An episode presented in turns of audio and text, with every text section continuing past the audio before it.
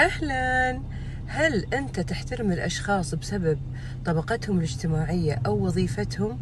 وما تحترم الأشخاص اللي هم أقل بالسلم الاجتماعي أو بالوظيفي ولا تحترم الجميع. للأسف ألاحظ في ناس يقدرون الاحترام على حسب منو الشخص اللي قدامهم. لكن تلاقي العمالة المنزلية بالبيت اللي يشتغلون عندهم المربيات ما يعاملونهم زين. الاحترام حق الجميع وإحنا كلنا سواسية عند رب العالمين. لازم بين فترة وفترة نراجع نفسنا.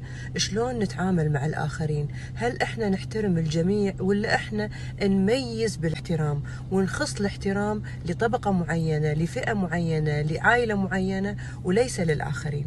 أنا أحترم الجميع وأكيد حتى أنتم تحترمونهم.